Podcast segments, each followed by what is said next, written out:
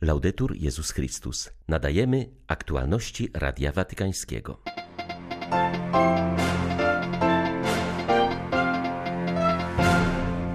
Papież Franciszek przyjął w Watykanie na audiencji niepełnosprawne dzieci i młodzież oraz ich opiekunów z Instytutu Serafickiego w Asyżu. Stolica Apostolska oficjalnie uznała heroiczność cnót polskiej nazaretanki siostry Małgorzaty Banaś. Do beatyfikacji potrzebny jest więc jeszcze jedynie cud dokonany za jej wstawiennictwem. W 40. rocznicę ogłoszenia przez władze PRL stanu wojennego w całej Polsce odbywają się uroczystości przypominające ten dramatyczny moment. Podczas centralnych obchodów w Muzeum Żołnierzy Wyklętych mszy przewodniczył arcybiskup Marek Jędraszewski. 13 grudnia witają Państwa Marek Krzysztofiak i Łukasz Sośniak. Zapraszamy na serwis informacyjny. Ludzka solidarność i hojność są potrzebne, ale w trosce o niepełnosprawnych konieczne jest konkretne zaangażowanie państwa. Papież Franciszek mówił o tym w czasie audiencji dla niepełnosprawnych dzieci i młodzieży oraz ich opiekunów z Instytutu Serafickiego w Asyżu. Przypominając swe odwiedziny u nich sprzed ośmiu lat, Ojciec Święty stwierdził, że w tym ośrodku zobaczył, co to znaczy prawdziwie przyjmować potrzebujących i odrzuconych.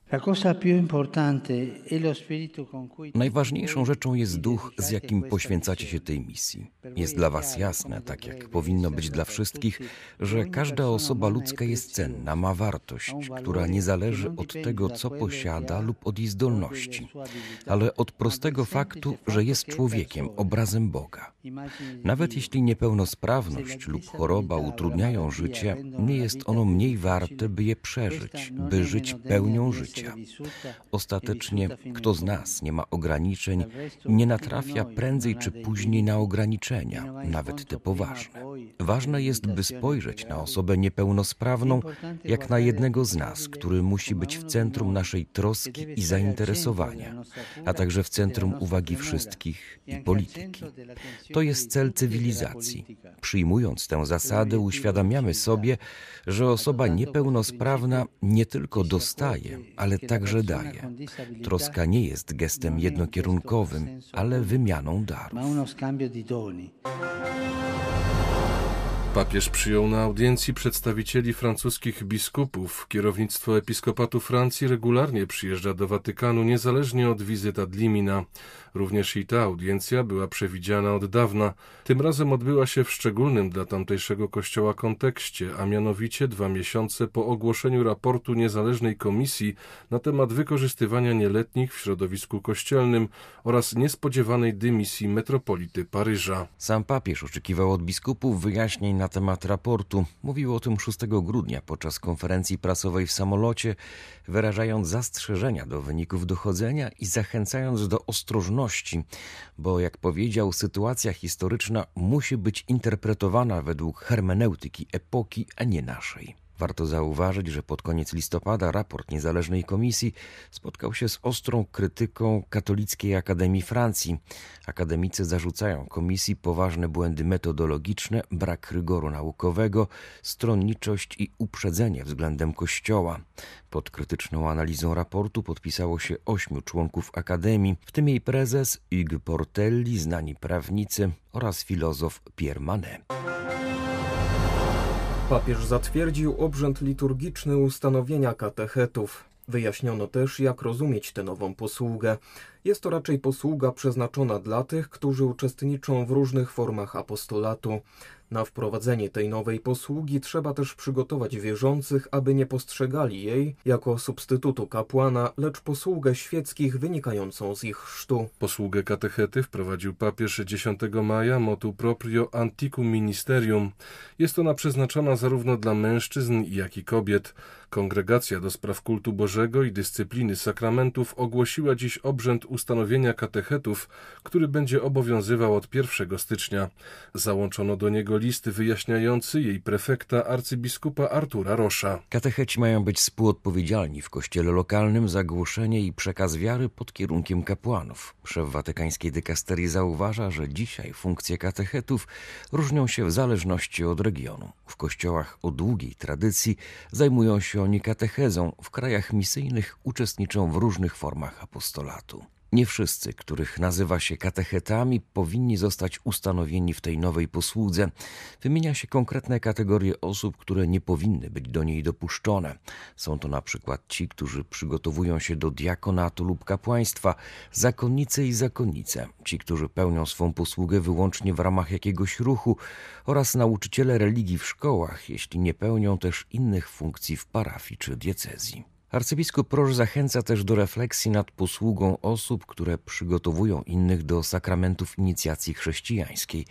Nie wszyscy powinni zostać ustanowieni katechetami. Prefekt Watykańskiej Kongregacji zastanawia się nawet, czy w tym wypadku bardziej odpowiednia nie byłaby posługa lektora, która również obejmuje zadanie wychowania w wierze. Zadaniem katechetów ma być natomiast współpraca z kapłanami w różnych formach duszpasterstwa.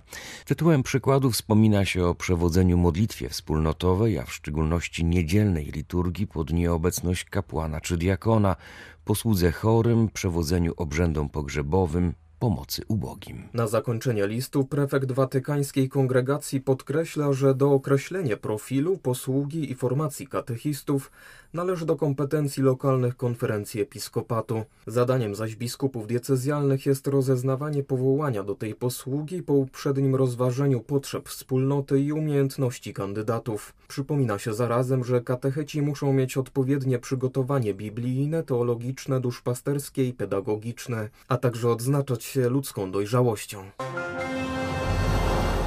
Telegramie skierowanym do amerykańskiego episkopatu, podpisanym przez sekretarza stanu Stolicy Apostolskiej, papież Franciszek zapewnia o swojej modlitwie za wszystkich, którzy stracili życie w wyniku niszczycielskich tornad w środkowych i południowych Stanach Zjednoczonych oraz za członków ich rodzin. Wyraża także wdzięczność za wysiłki ratowników i wszystkich osób zaangażowanych w opiekę nad rannymi, rodzinami pogrążonymi w żałobie i osobami pozostającymi bez dachu nad głową. Na koniec Ojciec Święty zapewnia, że modli się o siły i wielkoduszność dla wszystkich pomagających cierpiącym braciom i siostrom. Także amerykańscy biskupi zapewnili o swojej modlitwie i pomocy poszkodowanym.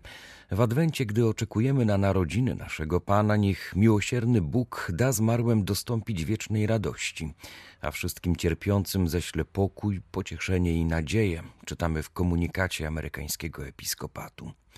Piątkowy wieczór i sobotni poranek w sześciu stanach odnotowano ponad 30 tornad, które zabiły dziesiątki ludzi i pozostawiły za sobą wielkie zniszczenia.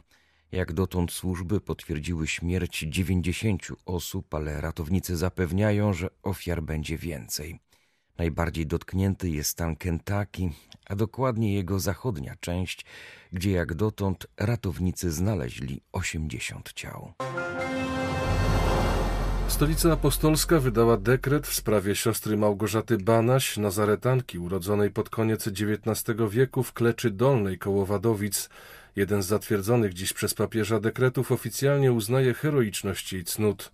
Do beatyfikacji potrzebny jest więc jeszcze tylko cud dokonany za jej wstawiennictwem. Siostra Małgorzata cudem przeżyła okupację niemiecką. Jej jedenaście towarzyszek zostało rozstrzelanych przez gestapo.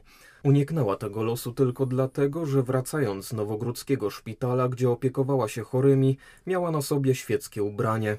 Po wojnie przez wiele lat mieszkała w pokoju koło zakrystii miejscowego kościoła, w którym posługiwała. Przygotowywała także dzieci do sakramentów. Ponieważ proboszcz musiał się ukrywać, to ona zatroszczyła się o świątynię i prowadziła nabożeństwa. Oprócz tego organizowała pomoc dla osób zesłanych na Sybir. Caritas Internationalis skończyła 70 lat. Ta największa katolicka organizacja humanitarna zrzesza 162 krajowe Caritas. Jest na służbie potrzebującym w ponad 200 krajach na całym świecie.